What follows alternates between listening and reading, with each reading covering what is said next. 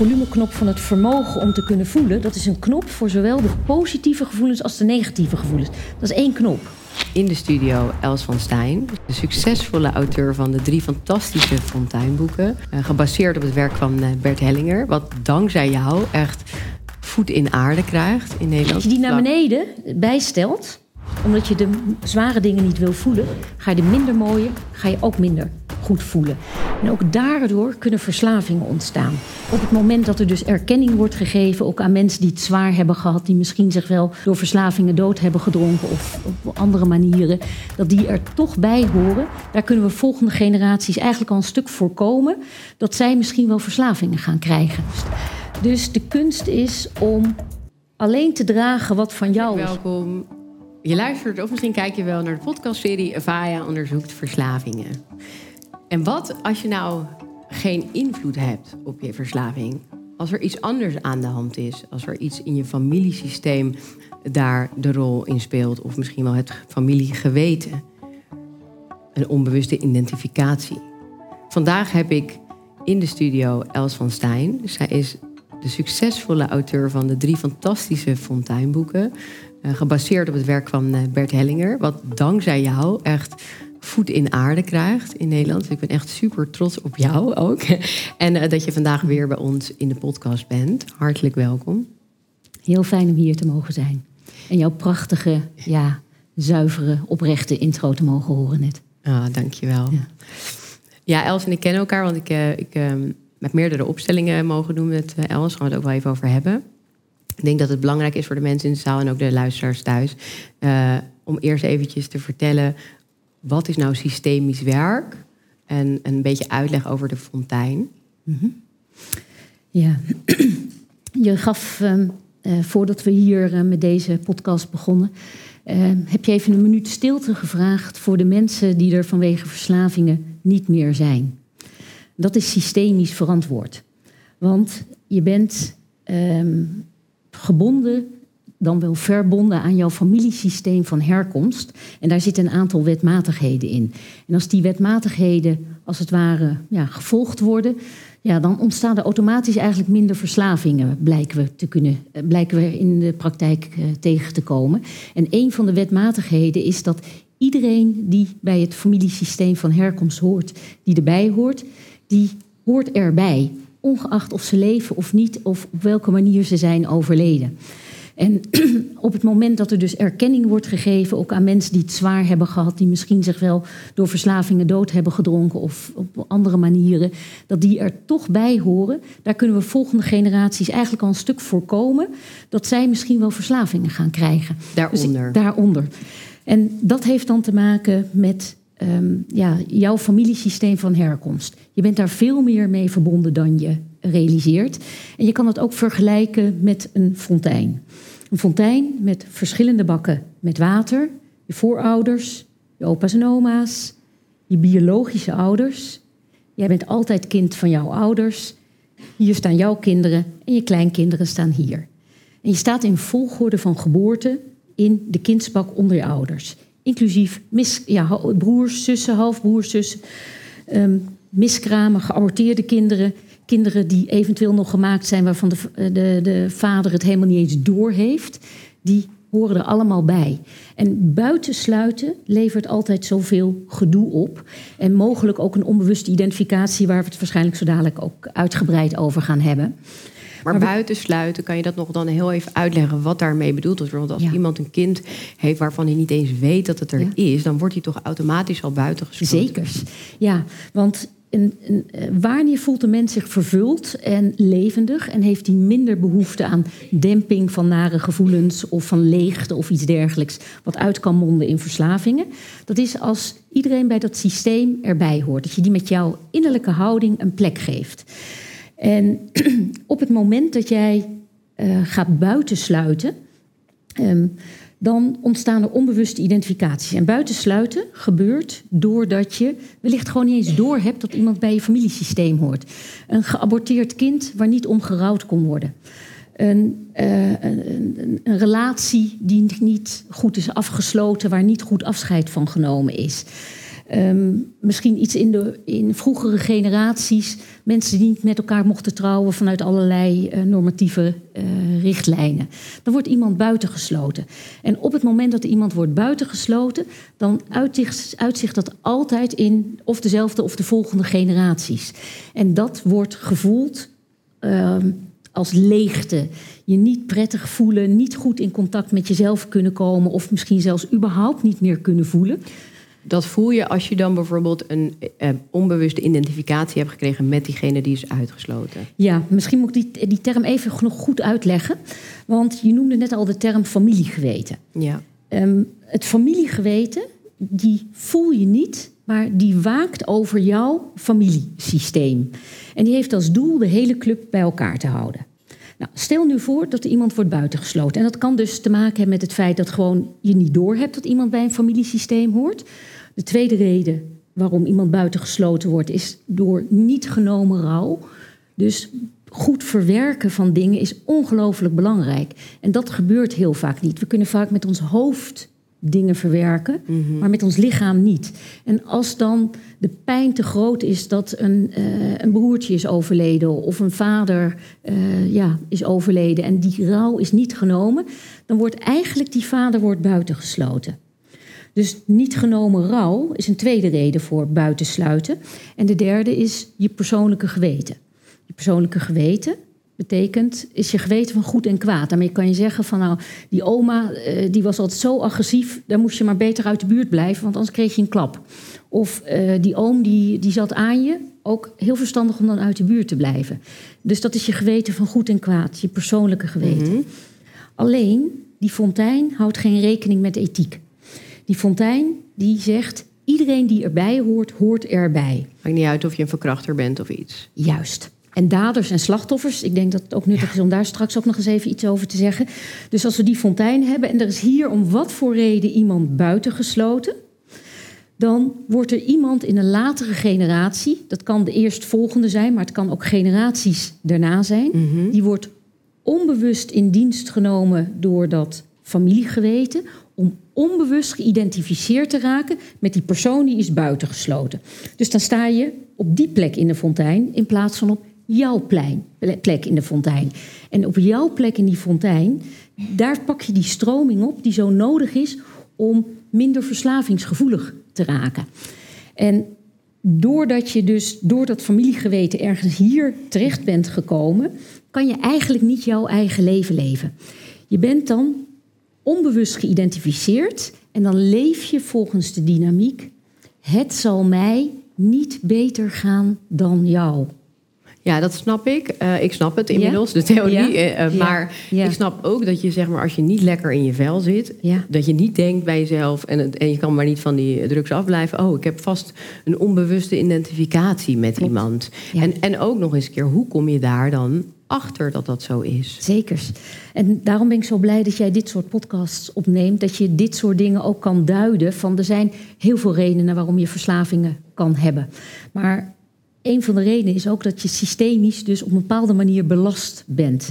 En als eigenlijk alle ja, reguliere technieken niet werken, constant weer terugval, de, de, uh, de afkeerklinieken werken niet, of je komt iedere keer weer terug en het gaat jezelf niet goed, dan is er mogelijk een onbewuste identificatie aan de gang. Want daarmee ga je jezelf saboteren in het leven. Want zonder dat je het doorhebt, is die persoon met wie je onbewust bent geïdentificeerd, is je grote liefde. Ja. Nou, die is buitengesloten. Want anders zou die onbewuste identificatie niet gaan. Dus je gaat jezelf ook saboteren in het leven. Dus het mag je even goed gaan. Maar het langdurig goed gaan, dat is niet om uit te houden. Maar word je ontrouw aan die onbewuste grote liefde. Dus dan ga je je saboteren. Dus je krijgt dan een heel ja, een, een, een, gek gevoelsleven. Want diep van binnen ben je zwaar verbonden daar. Ja. En je voelt ook iets vaak van, van die persoon.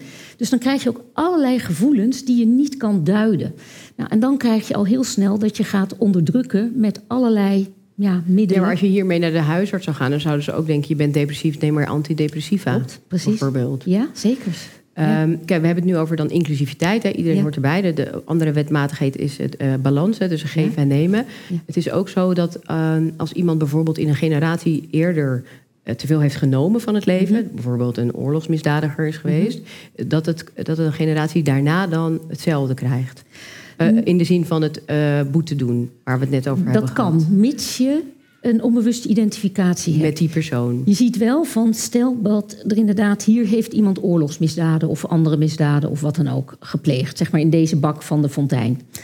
En dan die kinderen daarvan, die krijgen vaak een oordeel over de ouders, want de omgeving die accepteert het niet dat die kinderen van hun ouders mogen houden. Terwijl diep van binnen houdt een kind gewoon van zijn ouders, maar de omgeving die keurt het af omdat vader bijvoorbeeld moorden heeft gepleegd. Dus die kinderen die kunnen niet echt hun ouders innerlijk eh, bij zich zetten. Want dan moeten ze zich. Ja, uh, de, de, omgeving accepteert dat niet. Dus die, en het kan ook zijn dat ze zelf dat ook moeilijk natuurlijk vinden. Natuurlijk. Dus dan krijgen ze of een oordeel over de ouders ook. Mm -hmm. Van ja, jij, bent, uh, jij hebt hele nare dingen gedaan, dus nou, jou moet ik niet. Ik wil vooral niet zo worden zoals jij. Ja, en dan krijg je vaak die patronen. Wat je afwijst bij je biologische ouder, dat installeer je op het onbewust bij jezelf vanuit een onbewuste loyaliteit. Omdat je diep van binnen weet dat je 50% je biologische vader bent en 50% je biologische moeder. Als zij om wat voor reden niet mogen zijn wie zij zijn, dan ga je dat patroon juist ook bij jezelf installeren. En dit zie je bijvoorbeeld ook bij alcohol. Uh, verslaving en families. Die zie je vaak, hele families zie je, die generaties op generaties nou, wordt er doorgegeven. Ja, ik had mijn genogram getekend, die ben ik dus vergeten. Maar daar zag je dus echt gewoon alleen maar verslaafd. Ja. Iedereen alcohol, inderdaad, ja. in de familie. En hoe gek het ook klinkt, de, uh, de grootste kans om niet dat patroon bij jouzelf te installeren... is eigenlijk volledig ja te zeggen dat je ouder verslaafd mag zijn. En dit klinkt heel maf wat ik nu zeg. Want systemisch gezien, om goed op jouw plek te komen in de fontein, ga je de vraag beantwoorden: wat is van de ander en wat is van jou? Nou, wat van de ander is, is stel dat een vader alcoholverslaafd is. Nou, die alcoholverslaving is van je vader. Kan jij eraan iets aan veranderen? Nee. Daar heb jij geen greintje invloed op, want dat heeft vaak te maken met ook allerlei tekorten die hij ook weer in zijn familie heeft gehad. Of misschien allerlei traumatische gebeurtenissen. Dus jij kan hem er niet van afkrijgen. Je mag altijd feedback geven wat het met jou doet. En je mag ook altijd grenzen stellen. Van lieve papa, je bent en blijft altijd mijn vader. En je bent alleen maar welkom als je, uh, als je nuchter bent. En dan zeg je de systemische zinnen eigenlijk. Ik hier, jij daar, met liefde en respect. Maar wel met een afstand. Dus misschien moet je zo'n vader dan ook niet zien. Dus dat is het gedeelte wat is oordeel, van veroordeel je hem dus niet. Ja. Precies. Maar nu, en dat is heel moeilijk van, wat is van jou? Ja. Misschien veroordeel je hem toch, dat gebeurt. Of ben je een heel stuk jeugd ben je misschien tekort gekomen. Of je, je schaamde je voor je ouders. Wat jij zelf net ook allemaal zei. Je bepaalde schaamte voelde. Dus misschien durfde je geen ik ben vriendjes... het dus ook gaan doen. Want dat is heel grappig dat je dat ja. net zei. Want al die dingen die ik hun eigenlijk kwalijk neem, ben ik uiteindelijk ook allemaal zelf gaan doen. Ja. En ook uh, wat ik ook heel erg had, een oordeel over mijn moeder. Die heeft vier kinderen van drie vaders. En ja. ik zei altijd, ja, dat ga ik niet doen. Dat ga ik ja. niet doen. Nou, ik heb dat ook gedaan. Dus je ziet dat wel echt dat dat gebeurt. Ja, en zo zie je dus in de onderstroom zitten een aantal wetmatigheden die nog niet zo heel erg bekend zijn en die gelukkig nu steeds bekender gaan worden. Die als je die kent, dan kan je die beter voor je laten werken, die wetmatigheden, in plaats van tegen je. Dus daarom ben ik ook zo blij dat jij ook zo open en eerlijk bent. Dat we dit soort dingen ook kunnen duiden. Want je ziet gewoon deze patronen, je neemt ze over. Maar de kunst gaat dus worden om bij de ander te laten wat van de ander is. En aan te kijken wat van jou is. Nou, daar ben je op allerlei manieren mee bezig. En dan moet je dus ook iets verwerken op allerlei dingen. Ook zo'n, stel weer dat voorbeeld van die alcoholverslaafde vader. Um, ja, dat heeft je uh, misschien een heel stuk uh, jeugd heb je gemist. Je hebt misschien heel veel verantwoordelijkheid voor je vader overgenomen om allerlei dingen te regelen en te organiseren. Je hebt misschien voor je broertjes en zusjes moeten zoeken en dergelijke. Nou, dat zijn jouw patronen. En omdat dat van jou is, kan je daar wel iets aan doen. Maar we proberen altijd de ander te redden. Alleen, ja. die kan je niet redden. Ga, ja, je moet jezelf zien te redden. En dat is heel pijnlijk, want het uithouden dat het jou misschien heel goed gaat, terwijl het niet goed gaat met een ouder, is verschrikkelijk uh, ja, moeilijk en ook zwaar. Ja. En dan heb je misschien jezelf ook al in een verslaving of iets dergelijks getrokken. En de kunst gaat worden om te kijken hoe jij dan belast bent. Want zo'n verslaving die kan voortkomen vanuit een systemische belasting, vanuit zo'n onbewuste identificatie. Hoe kom je daar dan achter? Eigenlijk is het de basis is beginnen gewoon bij de meest eh, ja, de, logische boerenverstand stappen. Uh, van als je uh, te veel eet, te veel drinkt of wat dan ook, dan ja, verzin een goed stappenplan hoe je dat zo gaat doen. Maar als dat allemaal uiteindelijk niet werkt, dan moet je dus echt op een ander niveau gaan zoeken. Maar kan dat niet ook zijn dat het dan een niveau is van trauma uit je leven hier en nu en dat het niet per se met je familiesysteem Absoluut. te maken heeft? Klopt, zeker. Maar de vraag is waarom kom jij in trauma? Trauma's die zijn vaak ook hertriggers van dingen die ook vaak wel vroeg gebeurd zijn. Maar het kan absoluut ook uh, iets van uh, van, het, van het hier en nu zijn. En dan zie je heel vaak dat een mens door overlevingsmechanismes wordt geregeerd. En dat betekent eigenlijk dat een overlevingsmechanisme die gaat dan bepaald gedrag. En daar, ja, afhankelijk van, uh, van uh, of je al echt helemaal in een bepaalde trigger bent terecht bent gekomen, dat je in een soort van een grammofoonplaat van gedrag en gevoelens bent gekomen, daar kan je eigenlijk niet uitkomen. Maar op het moment dat je daar weer uitrolt, dan kan je wel realiseren van hé, hey, dit zijn triggers. Dit zijn gevaarlijke situaties voor mij. Dan kan je kijken of je die kan vermijden. Maar het belangrijkste is dat je stevig in jezelf verankerd raakt. Want als jij stevig in jezelf verankerd raakt, dan word je minder meegenomen door alle dynamieken buiten je en de wanorde daar en ook misschien wel wanorde in jou.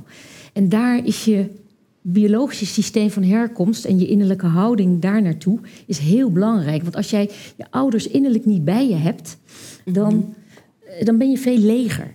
En op het moment dat overlevingsmechanismen het echt overnemen, dan kan een bepaald stuk trauma, dat kan buiten jezelf geparkeerd worden. Maar heel even over je ouders niet uh, goed bij uh, je mhm. houden. Laten we daar nog even iets dieper op ingaan. Van hoe hou je dan je ouders die bij je?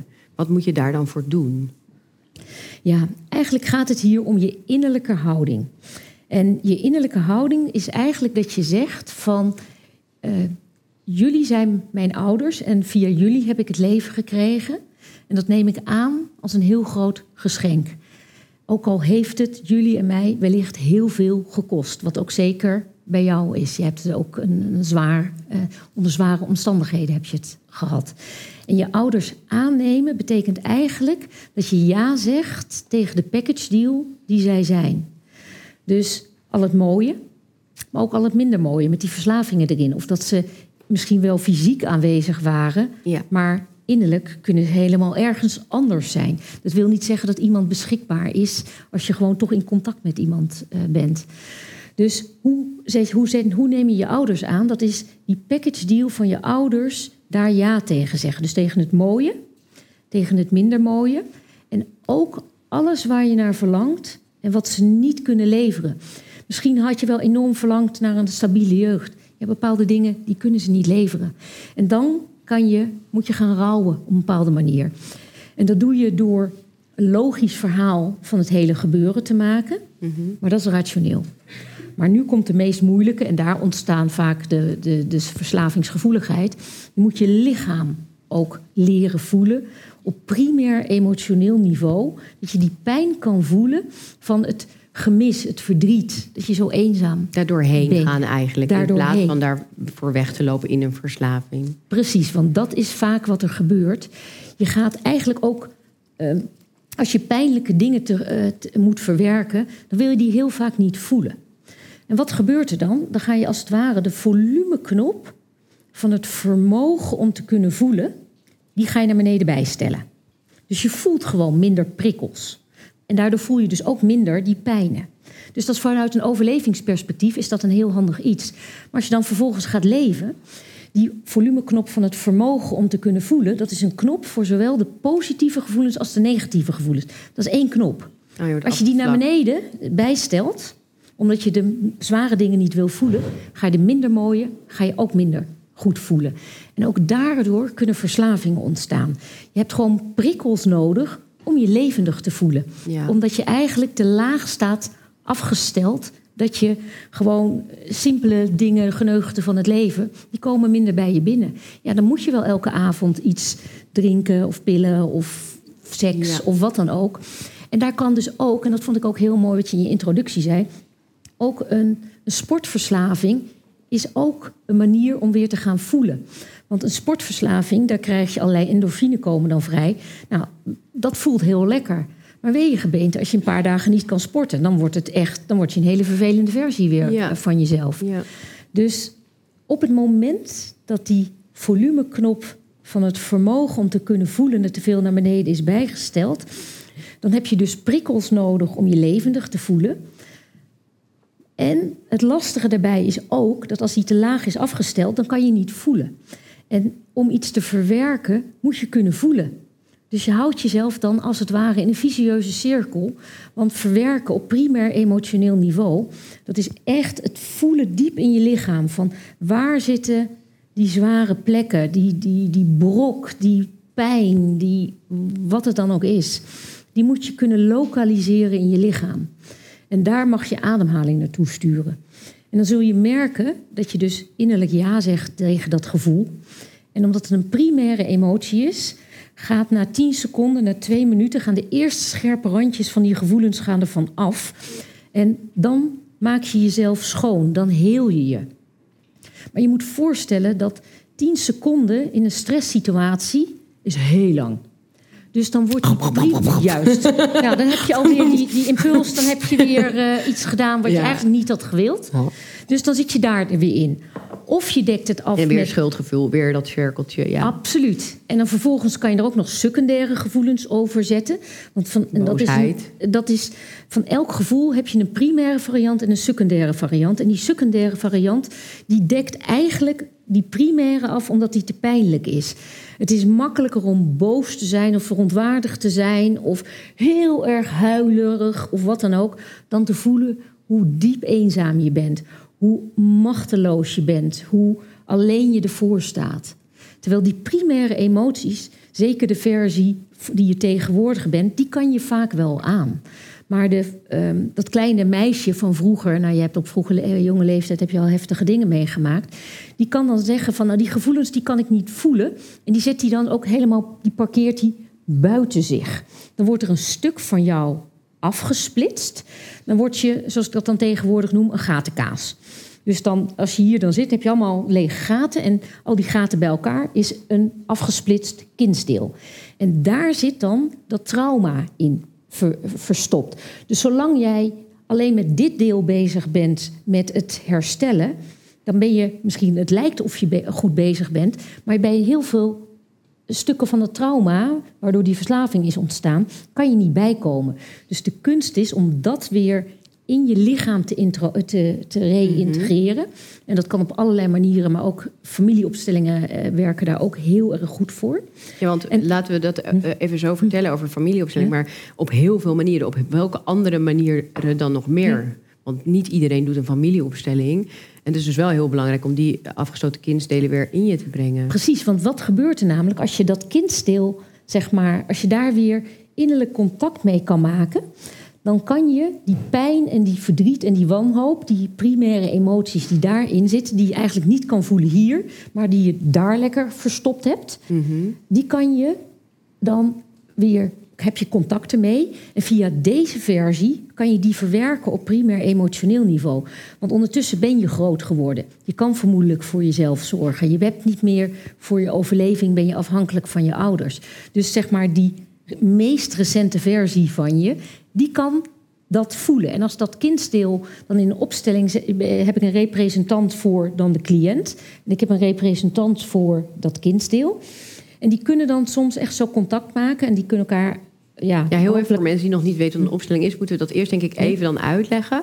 Maar los even van de opstelling. Uh, wij hebben daar ook een oefening in gedaan. Ik kan me nog herinneren toen ik bij jou was, uh, waarin we het kindsdeel uh, wanneer ik dat weer zo naar binnen bracht. Precies. Ja, je kan het op meerdere manieren doen. Je kan het met meditaties doen, maar het, heel effectief is het ook dus met een, een opstelling. Dat is dus door middel van mensen kan je dat met een bepaalde Lieve luisteraar, even een klein berichtje van mij tussendoor. Misschien is het je ontgaan of misschien heb je hem al.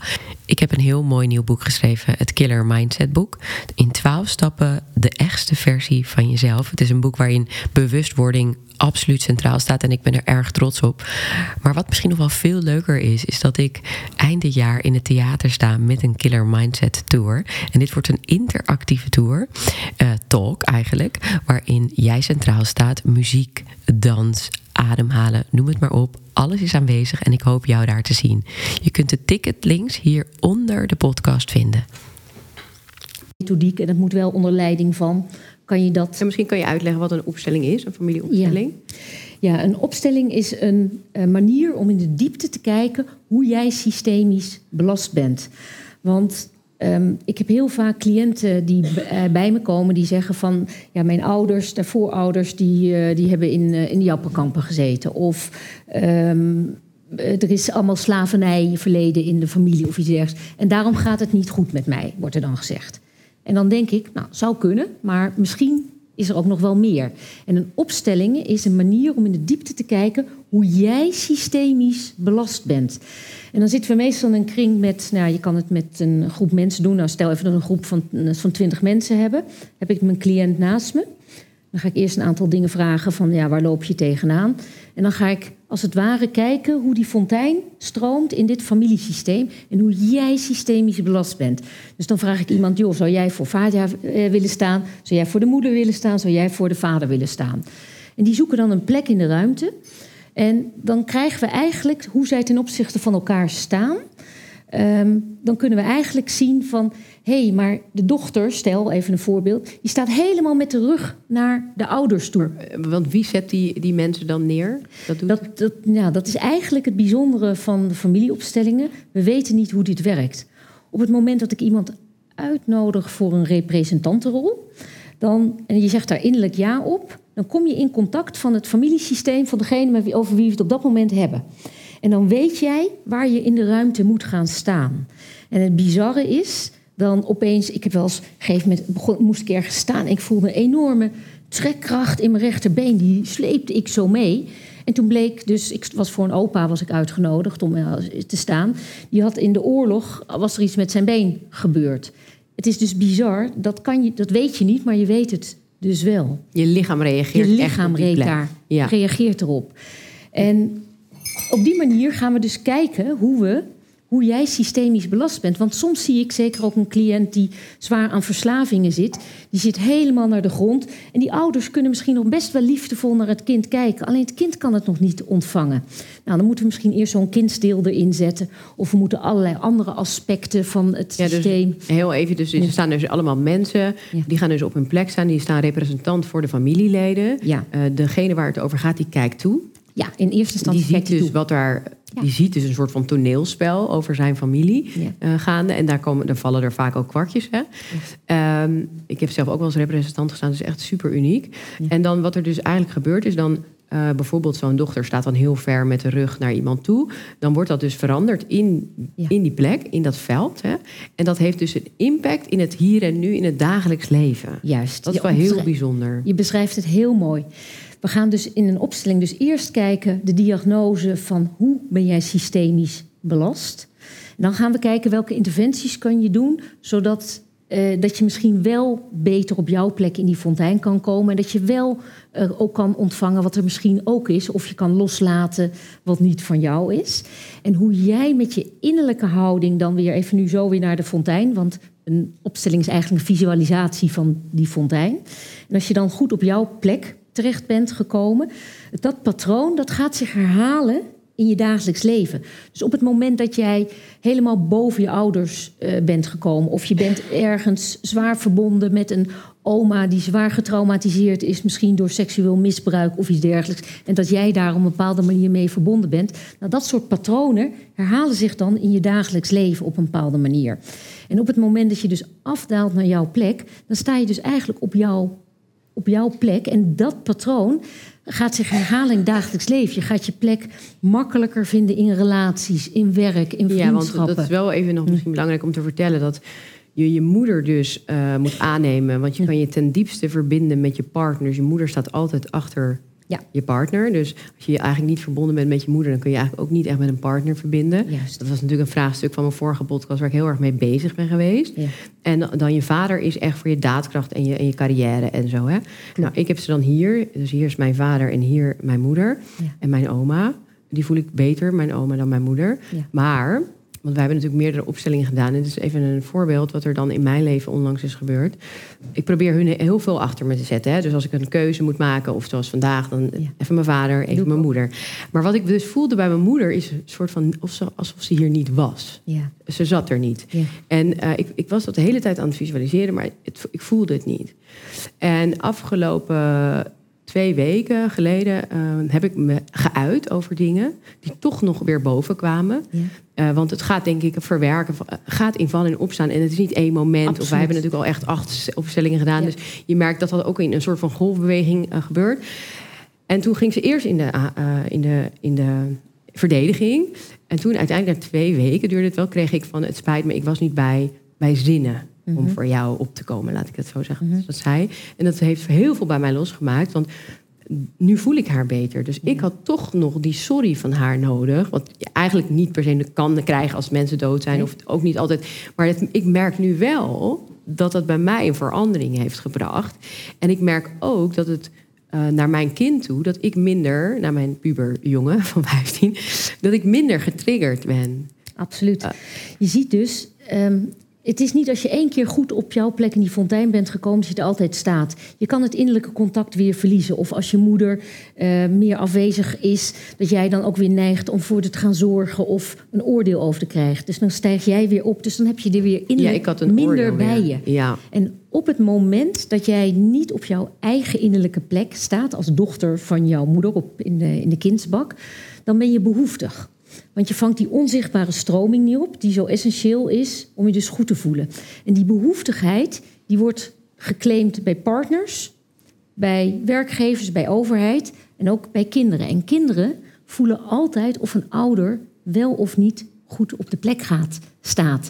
En die behoeftigheid kan zich dus ook wederom dan weer in, eh, in, verslavingen En- uiten bij ja, jou. ja. En jouw zoon die voelt dan ook van... hé, Dat maar mama niet. is misschien innerlijk ook niet voor mij beschikbaar. Die heeft bepaalde dingen dan net niet helemaal aangekeken. En dat is dan weer het lot van jouw zoon. Net zoals het, jij, het, het lot van jou is dat jouw moeder op bepaalde manieren er ja, niet voor je is. En nu prachtig de kracht heeft gevonden om, ja, eh, om echt hele mooie stappen eh, Ja, want is dat dan, heeft dat ook een invloed? Dat zij dan nu 69, nou afgekikt, ik ben super trots Ja. op haar. Maar heeft dat dan ook weer een invloed op de generaties Ah. daarna? Absoluut, zeker. Het is nooit te laat om op jouw plek in die fontein te gaan staan. En dat voel je in jouw lichaam. Want jij voelt dat jouw moeder letterlijk en figuurlijk gezonder is. En haar eigen thema's aan het aankijken is. Dan hoef jij dat niet voor haar te dragen.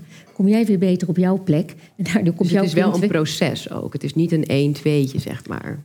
Het kan soms, er kunnen soms eh, hele bijzondere dingen in opstellingen gebeuren. Dat je het in één keer, patch, boom, dat is echt de angel. Maar een mens is over het algemeen een ui. Dat als je de eerste laag eraf haalt, kom je bij de volgende blauwe plek. Die er al lang zat, alleen daar kon je niet bij.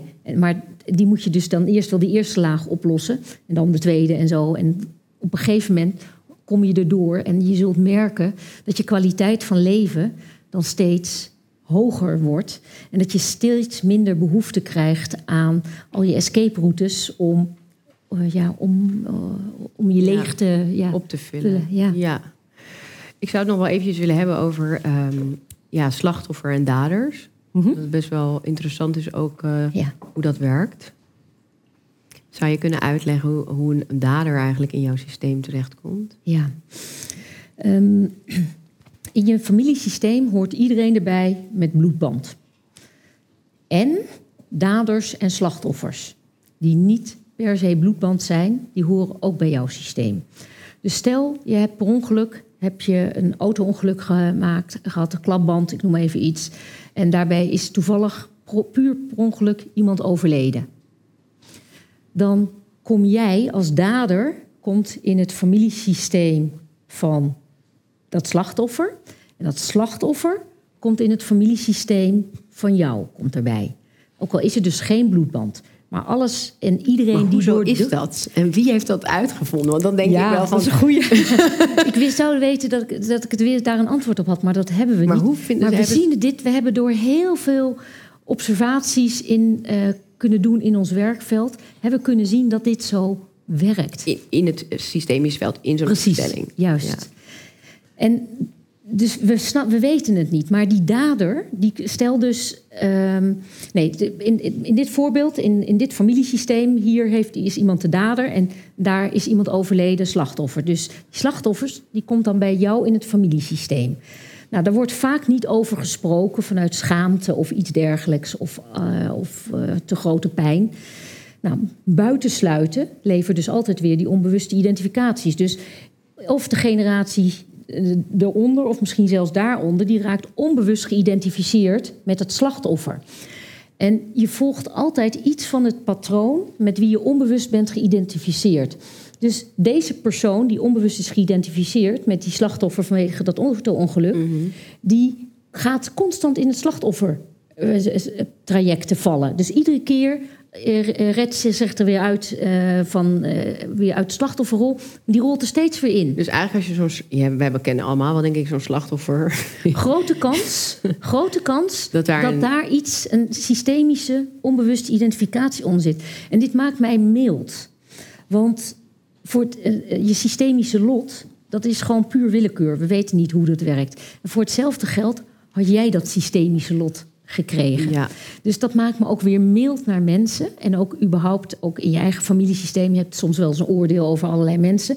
En je weet niet hoe zij systemisch belast zijn. Ja. En dat, dat maakt het ook weer makkelijker om wat is van de ander en wat is van jou. Je dat makkelijker los kan laten. Je ieder gewoon meer de plek gunt. ja. En ik hier, jij daar, met liefde. Kijk, als ik dan heel even, want we gaan zo Ja. Mhm. vragen stellen uit de zaal, maar nog één ding wil. eh, is- in, in ons systeem zit ook een, een dader dus. Die heeft een, ja, mijn neefje vermoord. zeg Mhm. Ja? Maar. Dus die Ja, zit in die zit bij jullie, ja? Ja, die zit in ons systeem. En wat moeten wij daar dan voor doen, zodat mijn kleinkinderen daar niet onbewust mee geïdentificeerd worden? Erkennen dat hij bij jullie systeem hoort. En niet... ehm, Een oordeel over hem ja. hebben. Nou, je mag het gedrag uiteraard mag je veroordelen. Ja. Maar misschien is hij wel onbewust geïdentificeerd geweest met daders. Dus dat hij wel daders De hele oorlog is gewoon gebaseerd op dit, eigenlijk. Zou, absoluut. Wat Ja. er nu aan de hand is. Want daar heb ik ook over nagedacht. Een heel ander onderwerp. Maar absoluut. als je dan kijkt hoeveel Joden er zijn vermoord... en hoeveel slachtoffers en daders er dan zeg maar bij hun zijn... en wat zij dan nu weer terug doen. Juist.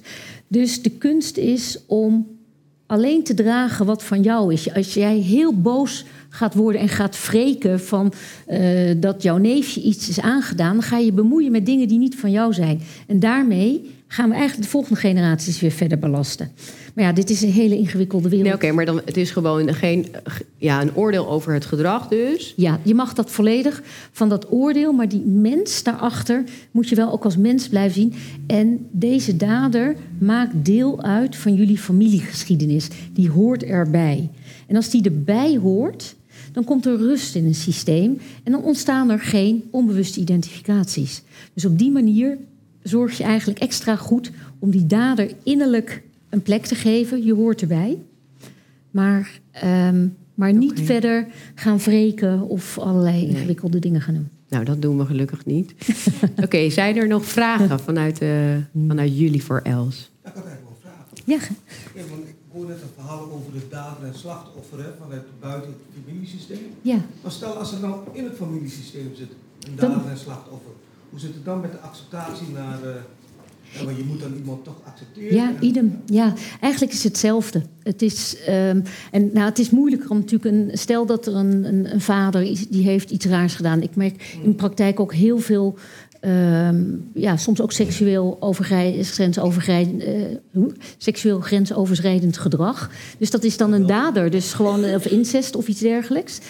En dan is het wel de kunst om ook, stel dat dat een vader en een dochter is met incest, zeg, dan is het de kunst ook dat, eh, dan is er een dader-slachtofferdynamiek zit erin. Dus dat kunnen we systemisch, kunnen we die dader-slachtofferdynamiek kunnen we systemisch bekijken. Maar er zit ook de, de dynamiek dat dit wel, ze is dochter en hoe gek het ook klinkt, als ze zichzelf gaat toestaan dat zij van haar vader weer mag gaan houden en hoeft ze hem niet te zien, dan gaat het goed met haar.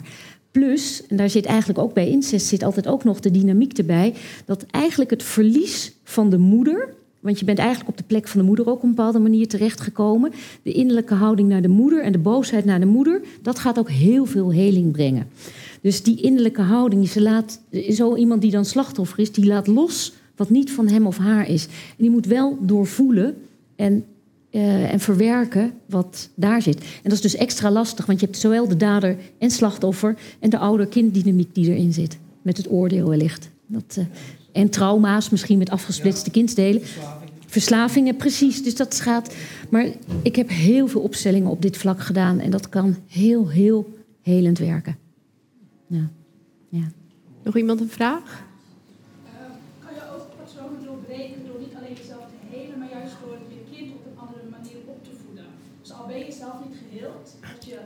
Ik herhaal even de vraag. Kan je ook, zei, er is een vraag, kan je ook um, uh, patronen doorbreken door niet, als je zelf bent geheeld, maar je kind anders op te voeden? Ja, maar het lastige is wel, een kind voelt altijd of de ouder wel of niet behoeftig is. Dus je kan duizend keer zeggen: ik zorg voor jou, jij zorgt niet voor mij. Um, ga lekker eh, je eigen dingen doen. Maar een, het is voor een kind gewoon heel moeilijk om het jezelf goed te laten gaan. Terwijl het niet goed gaat met de ouder. Dus het is wel heel mooi om te zeggen van... ja, mama heeft het even zwaar. Ik heb, het, uh, en ik heb, uh, ik heb echt, moet ik iets aankijken. Dit is van mij en dit kan ik op een volwassen manier oplossen. Hou, blijf er buiten. Maar je hebt het goed gezien dat mama het even zwaar heeft. Maar ik zorg voor jou, jij zorgt niet voor mij. Dus eigenlijk maar moet je dat zeggen, je die als het ware. Dat kan je, dat kan je gewoon zeggen. Van, uh, je, duwt als het ware iemand de bak uit. Alleen omdat het kind voelt dat jij behoeftig bent, blijft de trekkracht naar boven. Dus ik heb heel vaak ouders die bij me komen die zeggen van ja, het gaat niet zo heel goed met mijn kind. Nou, dan ga ik toch echt eerst met die ouders werken. Want als die ouders goed op de eigen plek staan, dan voelt het kind wordt meteen ontlast. En het is al heel mooi dat je soms ook kan. Uh, uh, ja, dat, je al, dat, je, dat, dat de bewustzijn hier al is van ik heb misschien nog iets aan te kijken en daarmee belast ik mijn kind. Dus gewoon al die, als je dat gevoel al hebt, dan uh, duw je je kind al een klein beetje meer naar beneden. Alleen het kind, ja, die blijft de trekkracht naar boven hebben. Maar wat ik dan soms ook doe, is dat ik dan, zeker als de kinderen wat ouder zijn, dat stel dat je kinderen van 20 of weet ik wat hebt, of van 18 zeg maar uh, wat groter, dan zeg ik van ik ga ook met je kind werken. Om van, joh, je moeder, die gaat misschien, stel echt bepaalde thema's, bepaalde mensen zijn zo getraumatiseerd, die komen er niet uit. Dat is, blijkt gewoon soms de realiteit te zijn. En dan ga ik echt met, die kind, met het kind aan de slag, dat het kind goed op de eigen plek blijft staan. Want een klein kind kan niet anders dan meegaan in die trekkracht naar boven om voor een ouder te zorgen of een oordeel te krijgen. Maar een wat ouder kind, die kunnen we wel allerlei dingen mee doen, zodat ze die, vooral het leren om je schuldig te maken, dat het jou goed gaat en dat het niet goed gaat dan met de moeder. Dus dan werk je op dat moment met het kind. Ja, dus dat schuldgevoel, dat is super belangrijk. Dus dat, je, dat staat ook in je boek, dat het jou wel goed gaat, maar dat je dus moet kunnen aankijken dat het met je ouders misschien minder goed gaat. En dat, dat, dus niet, dat je dat niet behoeft te gaan oplossen en redden voor de ander. Ja. Nou, dankjewel Els. Ja? Oh. Wat nou als er meerdere daders zijn? Dan, Dan wordt het wel heel zwaar. Absoluut, dat is, dat, dat is ook heel zwaar. En ik dat, merk echt dat ik een beetje boos word van hetgeen wat je vertelt. Ja, Over ja, het van uh, het uh, ja, ja, binnenhalen. En ja. Dat snap ik volkomen. En dit zijn overlevingsmechanismes. Dus die boosheid, die, die zorgt, dat is een secundaire boosheid, die maakt dat je daaronder je machteloosheid, je wanhoop, je niet weten waar te beginnen, dat je dat niet hoeft te voelen. En dat zijn gewoon overlevingsmechanismes. Dus dat begrijp ik volkomen. En als er meerdere daders zijn, dan moeten we dus steeds die, die dader-slachtofferdynamiek, die in opstellingen, dan moet ik dan met meerdere, eh, ja, vaak in meerdere sessies doe ik dat dan. Van nou, eerst die ene dader-slachtofferdynamiek gaan we helemaal uitdiepen, dan die en die. Maar soms moet ik ook eerst nog andere eh, krachtenvelden, eerst toch misschien kindsdelen terughalen. Of misschien een ouder waar je je toch al een stuk mee verbonden kan voelen. Dat je daarmee extra kracht in jou krijgt, waardoor je weer makkelijker de dader-slachtofferdynamiek kan handelen. Want iedereen die zijn vader ook innerlijk bij zich heeft, die krijgt per definitie meer kracht. Dus de kunst ook van opstellen ook is van soms zijn er hele zware thema's die aangekeken moeten worden. Maar hoe kan ik ervoor zorgen dat je niet door die overlevingsmechanismes over wordt genomen? Dus dan werk ik soms van, nou goed, eerst misschien een aantal kindsdelen terughalen. Dus dan heb je een aantal van die gaten kazen, heb je alweer een stukje opgevuld. Ben je alweer krachtiger. Als je je vader innerlijk bij je hebt, ben je ook heb je meer kracht bij je. En op soms heb je ook juist je moeder, moet ik me eerst mee aan de slag gaan. Want op het moment dat je je moeder innerlijk bij je hebt, dan krijg je het vermogen meer ter beschikking om je te verbinden. En dan kan je misschien dan makkelijker die stap naar die vader eh, maken die nare dingen heeft gedaan, bijvoorbeeld. Dus dat is de kunst om uit te zoeken van hoe kunnen we het opbouwen, dat je uit die overlevingsmechanismen blijft. En ga je zelf dus ook niet veroordelen dat, dat je daar erin schiet. Ja, dan is het heel heftig geweest. Dat, kan niet anders. Ja. Kunnen mensen uh, met jouw boek ook al zelf aan de slag? Ja, ja en nee. Het is vaak, mijn ervaring ook is dat uh, de, iets snappen geeft ook een stukje veiligheid. Zeker die dingen die op jonge leeftijd gebeurd zijn, dan word je eigenlijk overgenomen weer dat je weer die hele jonge versie bent. Maar hoe oud ben jij als ik vragen mag? Hoe, sorry? 40 zeg je. Ja, je bent niet meer dat jonge meisje van toen. Dus ook je eraan te herinneren, het is hier en nu, je bent veilig.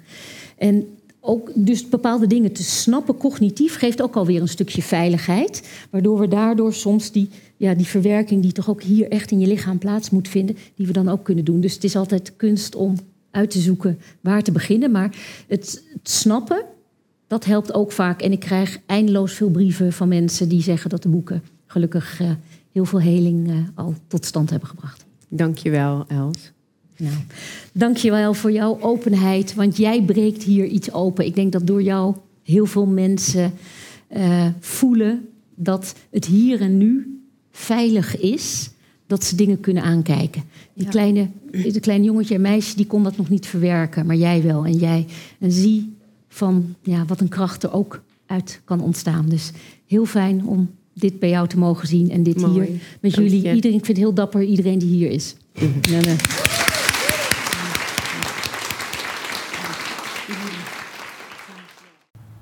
Ik denk dat er tijdens alle eeuwen mensen zijn die het verschil maken in bewustwording. En dat Els een van deze personen is in onze eeuw. Ik vind het erg mooi wat ze doet, maar soms ook uh, onbevattelijk tegelijkertijd. En elke keer als ik denk, is het allemaal wel zo? Gebeurt er iets waardoor ik me besef dat het echt zo is? Je gaat soms op een gegeven moment twijfelen aan, ja, waar hebben we het nou allemaal over? En het is zo niet vast te pakken, zeg maar. En de dag na deze opname had ik een bedrijfsopstelling bij Els. Met haar opstellers. Dus alle mensen die voor haar werken waren mijn representanten. En ik ging daarheen met Jim, die uh, vanaf zijn stage bij mij werkt. En inmiddels ook partner is geworden in Killerbody. Want een bedrijfsopstelling mag eigenlijk alleen met partners en managers. En ik weet nu precies waarom. Want er kwamen dingen naar boven vanaf mijn eerste bedrijf die ik vergeten was. Maar die Jim ook al helemaal nog nooit heeft geweten. En het was heel confronterend. Het was zo confronterend dat uh, Jim en ik er allebei drie dagen van uh, moesten bijkomen. En het leerde mij dat alles wat je doet, elke keuze die je maakt, een invloed heeft op je toekomst. En het besefte mij nog meer hoe zuiver al je beslissingen moeten zijn. Dus iedere keer als ik een zakelijke beslissing neem, vraag ik mezelf echt af. Um, hoe zuiver is deze beslissing? Nog meer, omdat ik weet wat voor impact het heeft op je toekomst, op je succes, et cetera. En als we dan kijken naar um, ja, je familiesysteem, dan heb je er niet altijd invloed op wat je uh, voorouders hebben gedaan. En dat is misschien het minder makkelijke aan deze situatie. Maar je kunt voor jezelf natuurlijk wel alles doen om jouw systeem zo schoon mogelijk te maken. En daardoor het ook voor je kinderen makkelijker te maken. En ik snap dat niet iedereen in de gelegenheid is om een opstelling te doen. Maar ik ben nu net begonnen in haar nieuwste boek Vier het Leven. En daar staan heel veel goede oefeningen in. Een van de oefeningen hebben wij ook toegevoegd in ons Inner Child Healings programma. Om je familie aan te nemen. Uh, dat kan je gewoon zelf uh, thuis doen. Dus ik kan jullie aanraden dat boek uh, Vier het Leven ook absoluut te lezen. En een kijkje te nemen op Dat is ja, mijn nieuwste platform. Dat heb ik opgezet voor meer bewustwording en heling. En het Inner Child programma kan je ook uh, helpen om, nou ja, wat ik zeg, je familie te accepteren. eh, te zien waarvoor ze dienen en eh, te zorgen dat eh, jij gelukkig bent, wordt, blijft. Dankjewel voor het luisteren en of kijken. En de volgende aflevering is met mijn moeder. Hele bijzondere aflevering, dus eh, ik hoop je daar weer te mogen ontvangen. Lieve luisteraar, even een klein berichtje van mij tussendoor. Misschien is het je ontgaan of misschien heb je hem al.